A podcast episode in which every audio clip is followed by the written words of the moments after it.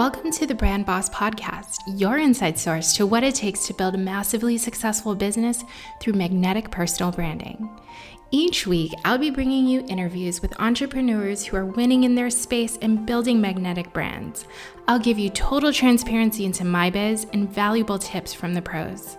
My name is Aria, your host and resident brand boss. I am a brand and marketing expert with over 15 years in the business of building up Fortune 500 brands, successful.coms, and solopreneurs. I am bringing you this Brand Boss podcast because I believe that building brands that are truly authentic and aligned is how we step into unlimited success in both life and business.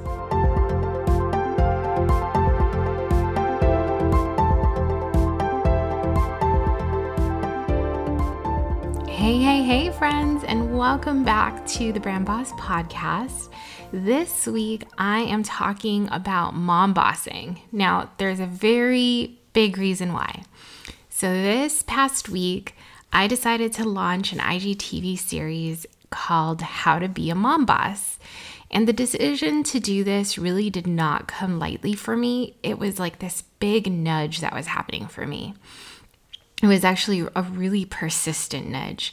Every day for a week leading up to launching the series, I was either talking to people who were feeling really blocked by their mom duties to, you know, do their entrepreneurial stuff, or I was talking to moms who just wanted to connect with other people who could really relate to them and what they're doing in their business, or talking to women who were just being inspired to see other moms build a business.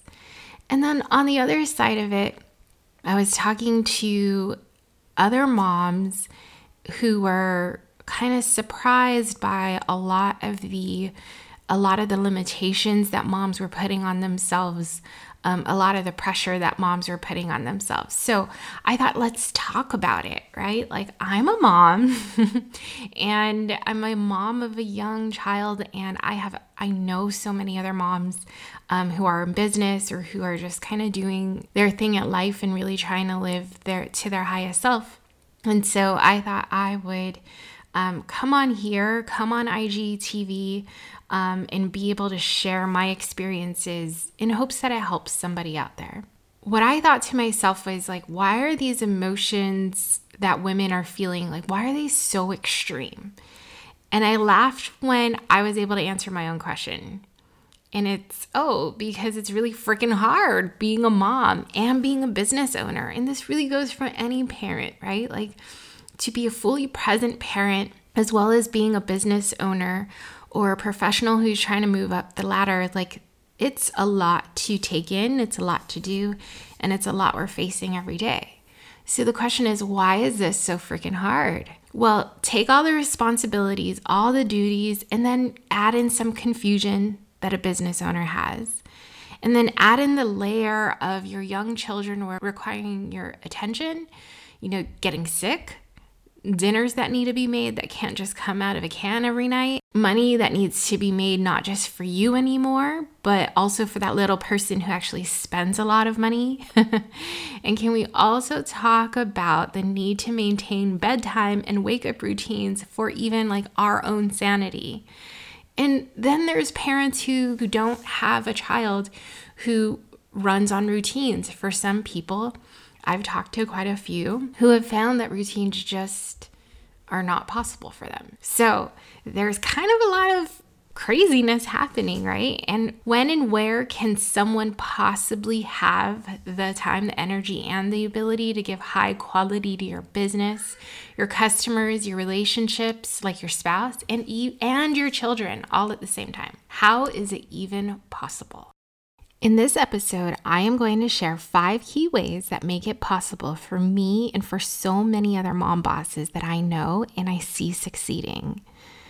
The first key I want to introduce to you is decision making. Hear this there is power in your decisions. Every day you're faced with choices. And it's up to you to decide which of the choices has the ability to elevate you and to add value to your life and others. I get it. Not all of our choices seem that significant, but they are. Okay, here are some examples.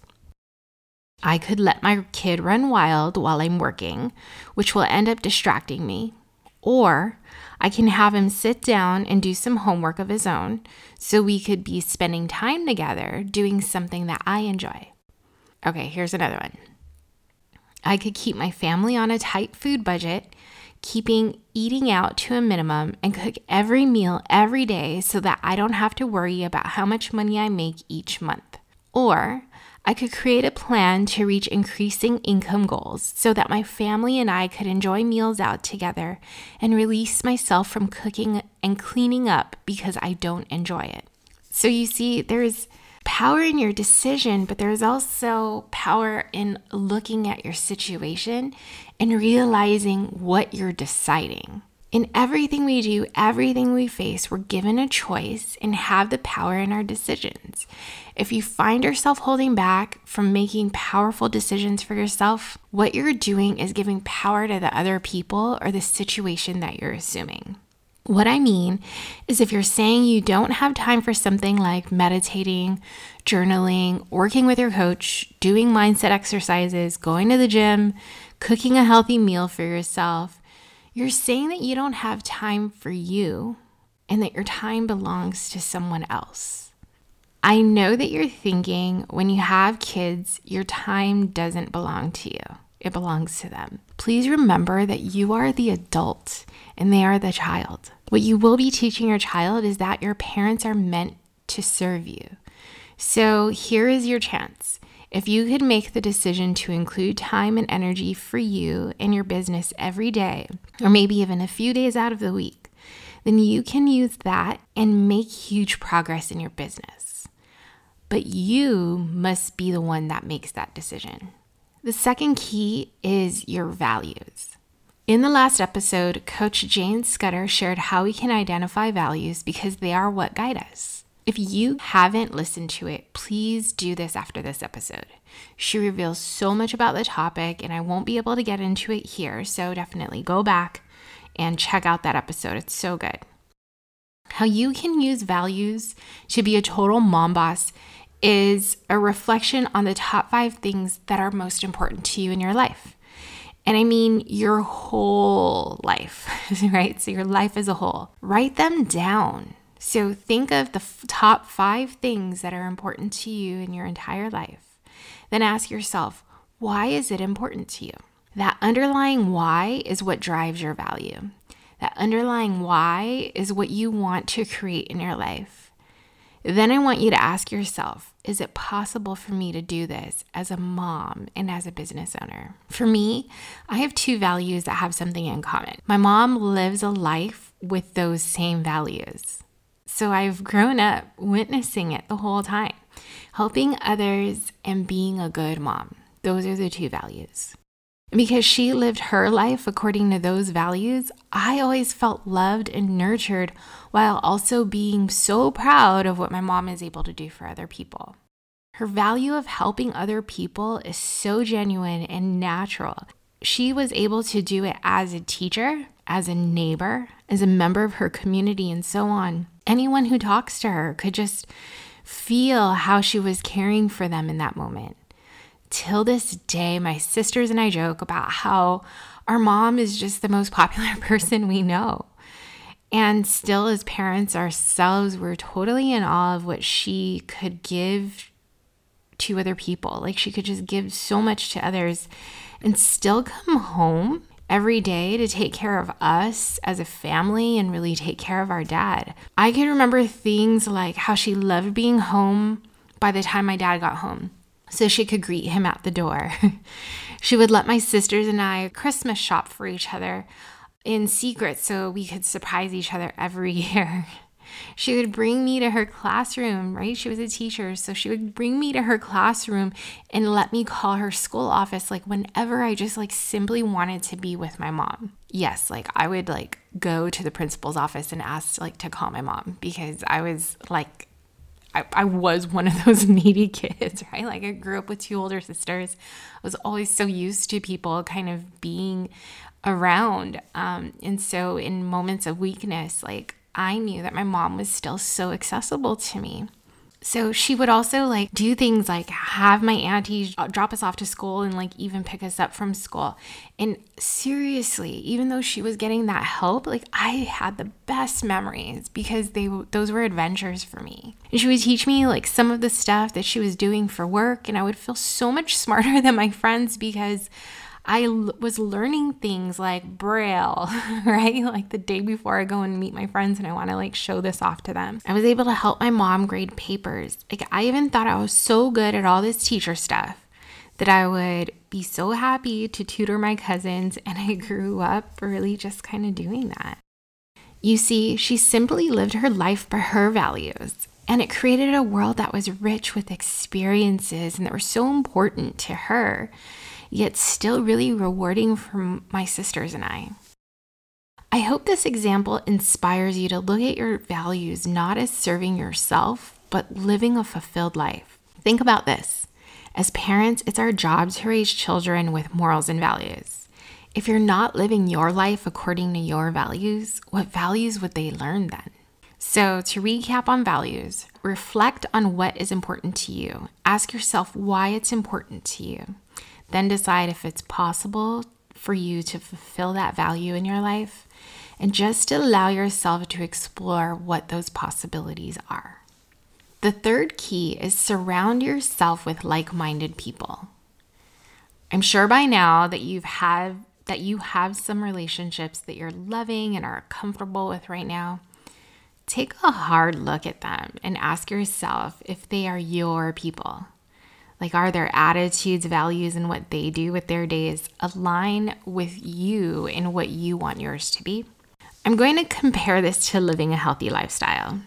So, if you hang around unhealthy people all the time who are constantly drinking alcohol or milkshakes, eating fast food, or cooking high cholesterol feasts every night, then it will be impossible to stick to a healthy diet, right? You might even find time to exercise, but you're just prolonging the inevitable. You won't be able to keep up with the amount of calories you're going to need to burn because they'll probably say something, your friends, right? They will probably say something to you like, You just came from the gym. You can afford to eat one more right? Like giving you that temptation. Or they tease you because you're spending time at the gym instead of eating with them or cooking with them or doing something cool with them, like going to get bubble tea. now, don't kill me for basically saying to stop hanging out with people who aren't like you. No. Instead, go out and find people who are more aligned to you and spend time with them too. Like, allow them to fill the gap that the others just are not feeling. Allow them to feel you when you're getting discouraged. Allow them to teach you new things. Allow them to push you further than you can push yourself. Allow them to support you and cheer you on.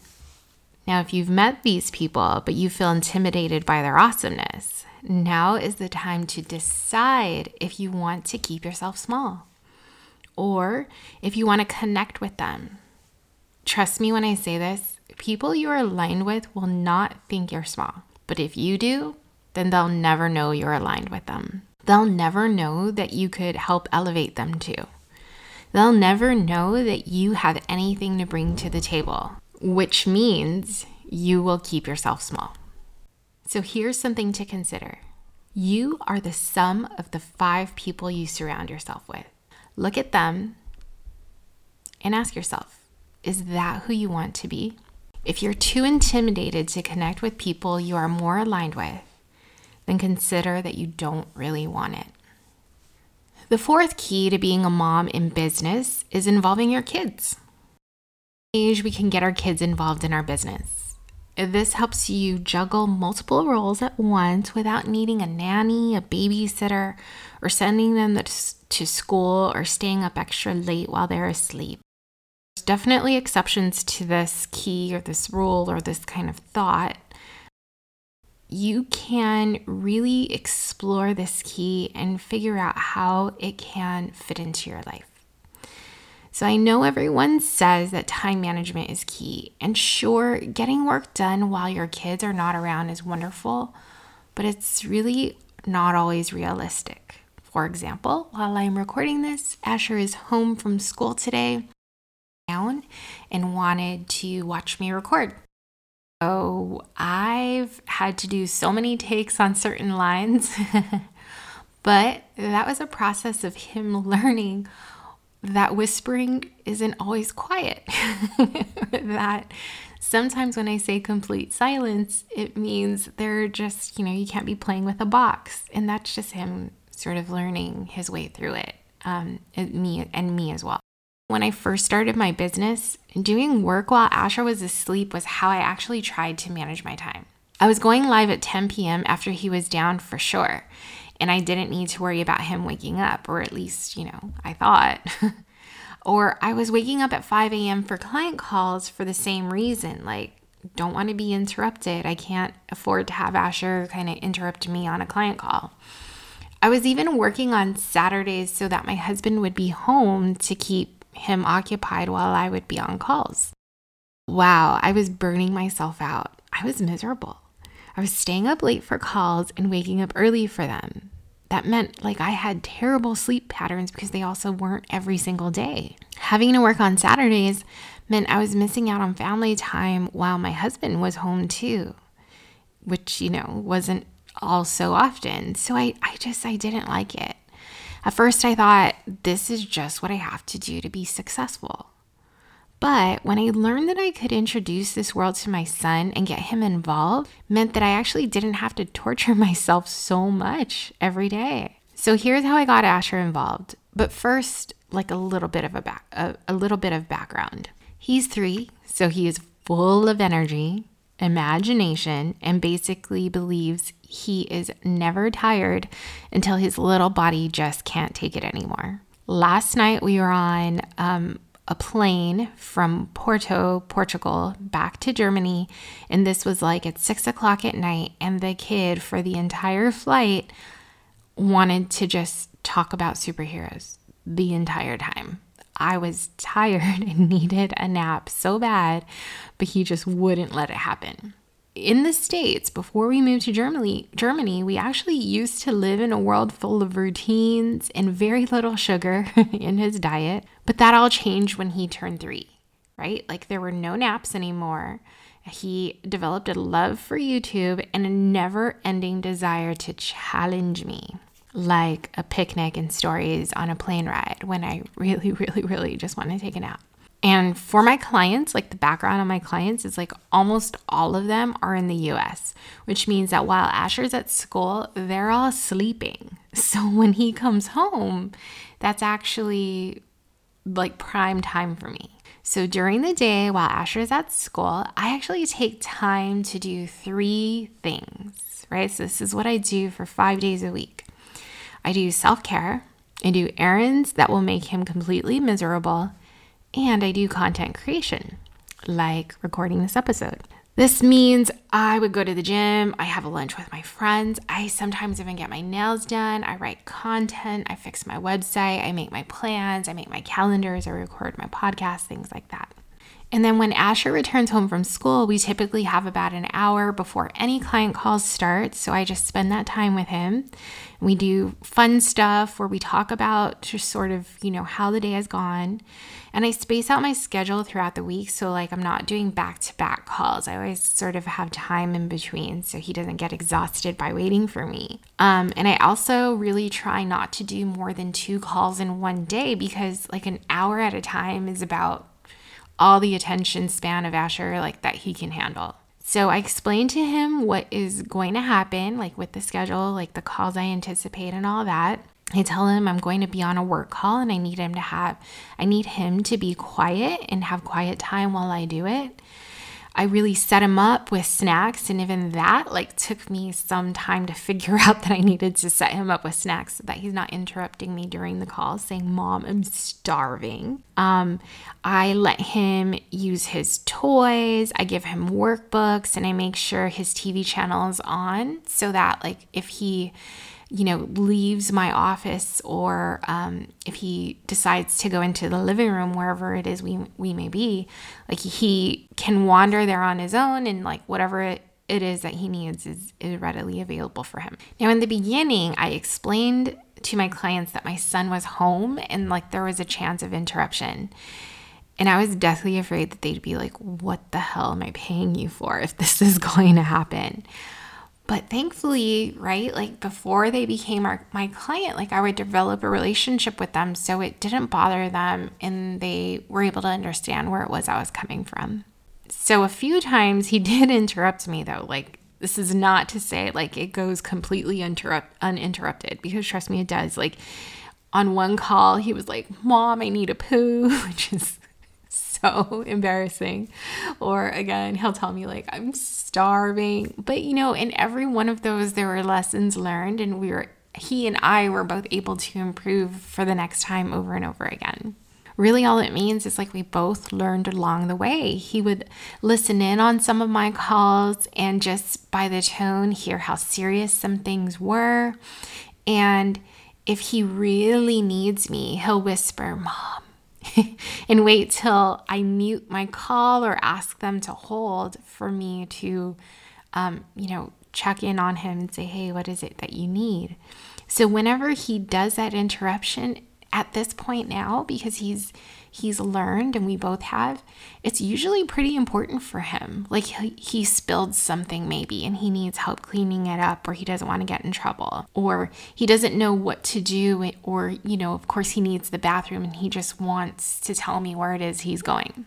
Even when I have calls at night and they're so close to his bedtime, I set him up in my office on the couch um, and let him make his own bed. For him, like it's a cool adventure for him, and he's happy to put himself to bed while I'm on my call. Whereas before, I thought like I had to do this whole big routine, and you know, it needed not to be interrupted, and he needed to be laying down with him and have his full attention or have my full attention because that's what we were used to but he was learning and we were both learning and we were both learning how we could both evolve and not stop ourselves from doing what it is we needed to do.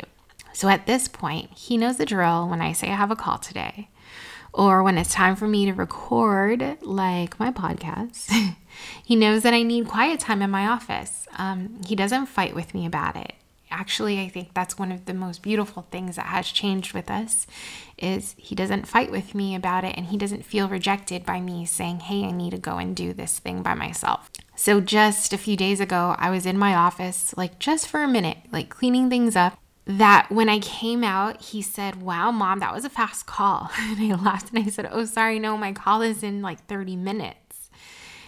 I'm secretly hoping that this teaches him the concept of time quickly as well. Because I don't hide the fact, like, I don't go around it and I don't say, oh no, my call hasn't started or like I'm I'm on a call soon, which is typically what I would normally say. I try to be very open and communicate with him. No, my call is in 30 minutes so that he will develop an awareness, right? Because this is something I learned. The more direct and um, clear I am about him of what to expect, the better it is he's learning these things. The other thing about my system is that while Asher is at school, I would be preparing for calls and putting other things together, like my content calendar, so that I was prepared to do things efficiently when Asher is around. So instead of me kind of creating this podcast um, and sort of being crazy and trying to piece things together, I've prepared as much of it as I could so that I could just record, close my laptop, and go, right? Because there was only, again, so much of his attention span that he could afford to do on his own before he needs a little bit more from me. So even when he would be homesick, like last week, he was sick. I had a system established where I could find what I could go and do while, you know, work wise, because I knew that he needed my full attention and I could determine what it is I could let go of. So, for example, I already recorded a podcast episode. So, while I didn't feel good about going on live on Instagram for my Mom Boss series, I actually spent the time that I had um, to edit my episode and prepare it to drop next week, actually. So you see, I didn't stop the work. I didn't like go full halt, like I can't do anything because my kid is sick. I didn't limit myself that way. Instead, I had developed the system and knowing the things that I needed or had to do. and I was clear on like what I could let go of, what I could be doing while he was around, while still feeling like I was giving him my all and I wasn't, I don't know, robbing him of the time that he needed because my work needed to allow me the flexibility, right? It's the whole reason reason I decided to go into entrepreneurship. And at the same time, he was so very sick and his little body was so uncomfortable that all he wanted was his mom. And I needed to be there for that. So I know it's a, a big, long explanation of how I bring my child into my business. I hope that gives you some thoughts of how it could start to happen for you or how it could become real for you. And if you have thoughts that you'd like to share with me about it, I'd love to hear it. So drop on in on the Brand Boss Podcast Facebook group and let me know. Now, the very last one, key number five, and I hope you've heard this one before, and it's why I put it here at the end and it is ask for help. We just can't do it all ourselves. We really can't. Even when our kids get older, sure, they can feed themselves and go to the bathroom on their own by then, but they have other needs too. And things are still complicated and require a lot of our attention. So look at who in your life you can trust to be a part of your support system. At one point, I actually had a pretty hard time asking people for help. It was like I just didn't know how. I already had it in my head that people wouldn't help me, that my husband was too tired when he got home to help me, that people weren't close enough to me to want to help me unless I had unless you know I paid them, or that my kids wouldn't want my kid would not want to be comfortable with other people. I think this list could actually go on of all the reasons that I justified to myself that I didn't have any help. But here's the thing. It was all in my head. I literally never knew if any of that was true because I never actually asked anyone. What I did do was look for babysitters who I would need to pay. I would grumble about to, about my husband actually not helping me even though he never knew I needed extra help or help in certain ways. And I would just feel sorry for myself and really actually feel stuck. And I'm making the worst grimacing face because I'm so disappointed with myself as I think back on all of these things, like what I thought of other people actually. And it wasn't very nice. Why would I think these of people? It's almost, I'm embarrassed. And it was actually a friend of mine who showed me that asking for help is the best thing that I could do for my kid, actually. So, my friends, take a real good look at your support system do you have one? Like, have you built one? And just get out of your own head and ask for help. It really could change your life. All right. So, those are the five key things to doing this mom boss thing and loving it. So, let me recap. Number one is decision making. What decision are you going to make about your business today? Number two is your values. Reflect on your five core values and decide if it's possible to live your values as both a mom and a professional. Number three is surround yourself with like minded people. Remember that you are the sum of the five people you surround yourself with. And ask yourself do they align with you in what you want to accomplish for this life? Number four is get your kids involved. Allow them to see what you do and become a part of that world. Asher learned more about branding the other night while we both listened to my podcast playback while we were both playing with his Play Doh. And he said to me, Mom, what's a logo? And I showed him and I talked to him about it. Then, after he listened to even more of my episode, he said, Oh, it's a brand. that was really a proud mom moment for me. Number five, key number five, is to ask for help and get out of your own head about it. Don't assume that you can't or you shouldn't or that it's something that's shameful. Really go for it. Elevate your life and your child's by actually asking for help. I hope you've enjoyed what I've shared on this very intimate episode today. And I would love to hear how it's helped you or if you have other tips for our listeners. So jump onto the Facebook page. It is the Brand Boss Podcast, and you can find it on Facebook um, just simply by searching the Brand Boss Podcast. It's a private group. And so I'd love for you to come in and share your thoughts there. And I just want to reiterate I was really moved to share this episode because I know somebody out here needs out there needs to hear it today. This was not something that was a part of my content calendar. This was not something that I had planned or thought, oh, um, this is the perfect time to do it, like around Valentine's Day or or anything like that. No, like this is there was a major nudge in me to do this, and so I hope that it's reached the people who it needs to reach, and that it's helped somebody in a special way today. All right, ciao.